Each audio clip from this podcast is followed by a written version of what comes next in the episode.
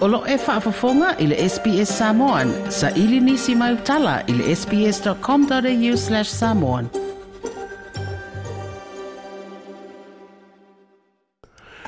Ta lofa lau sunga amani matamu. Ala so e fua manuia. Tos fono. Um, Amani, tell us about the uh, Mafutanga Amatua Matutua uh, in the Gold Coast uh, in Brisbane, uh, in Queensland rather. Um, how? What's the idea behind it? Uh, thank you for asking. Uh, the um, Samoa Coast Association um, over the years has been supporting and pushing um, young people's events and supporting um, sports events like rugby league, rugby union, and netball. Um, and in 2023, we decided, and it's been a long time plan, to start uh, focusing on our elders. So last um, August 2023, um, we kicked off our first Mafutanga Matu Matutua, and it was um, a great experience and a great launch. And so the mafutanga, let's let's call it the mafutanga uh, for now to make it easier, so that we don't have to say mafutanga matu or matu all the time.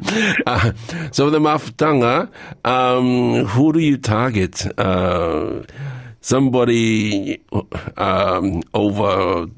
Uh, 60 or over 50 or somebody who decides that they are at that age that they are uh, old enough to be um, in the Mafutanga Matua Matua.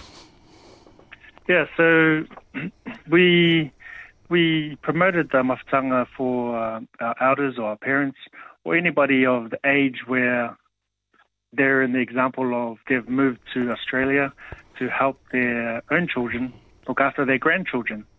Um, and we were finding that the common theme was that these parents move over, support their kids, support their grandchildren, and then when everybody's gone off to work and the kids have gone off to school, our parents are left home alone, um, and there's no engagement. So we put it out there to those who felt that they were in that category to come and connect with each other, share their stories, and for us as an associate to honor them and bring them together. There are examples of um, um, activities for older people.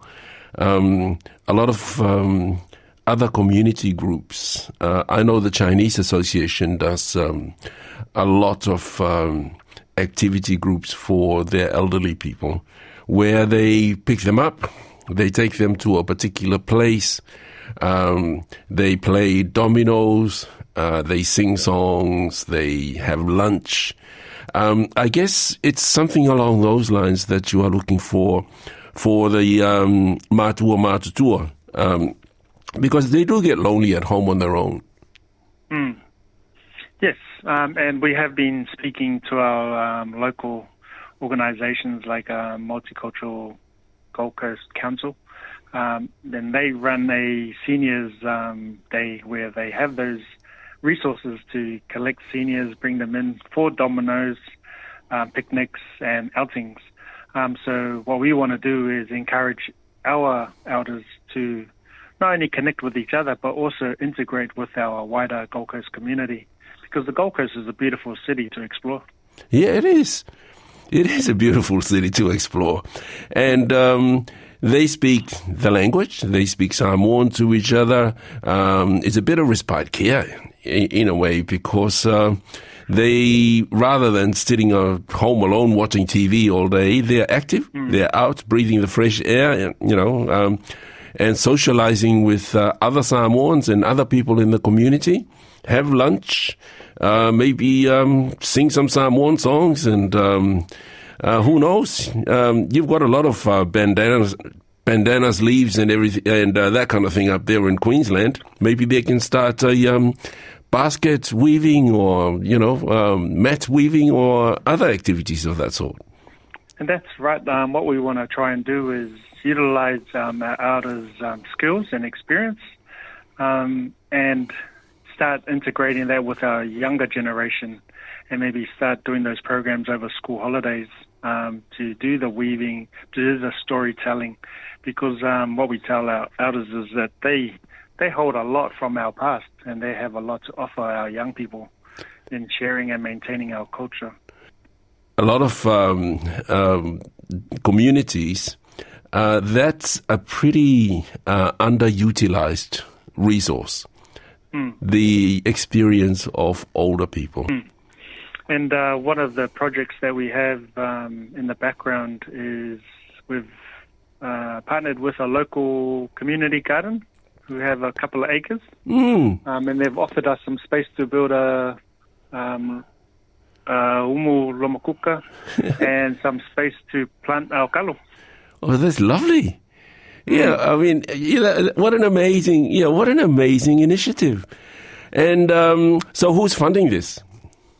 Uh, at the moment, it's all self-funding, uh, but we are looking at avenues um, in regards to local LGA funding and government funding.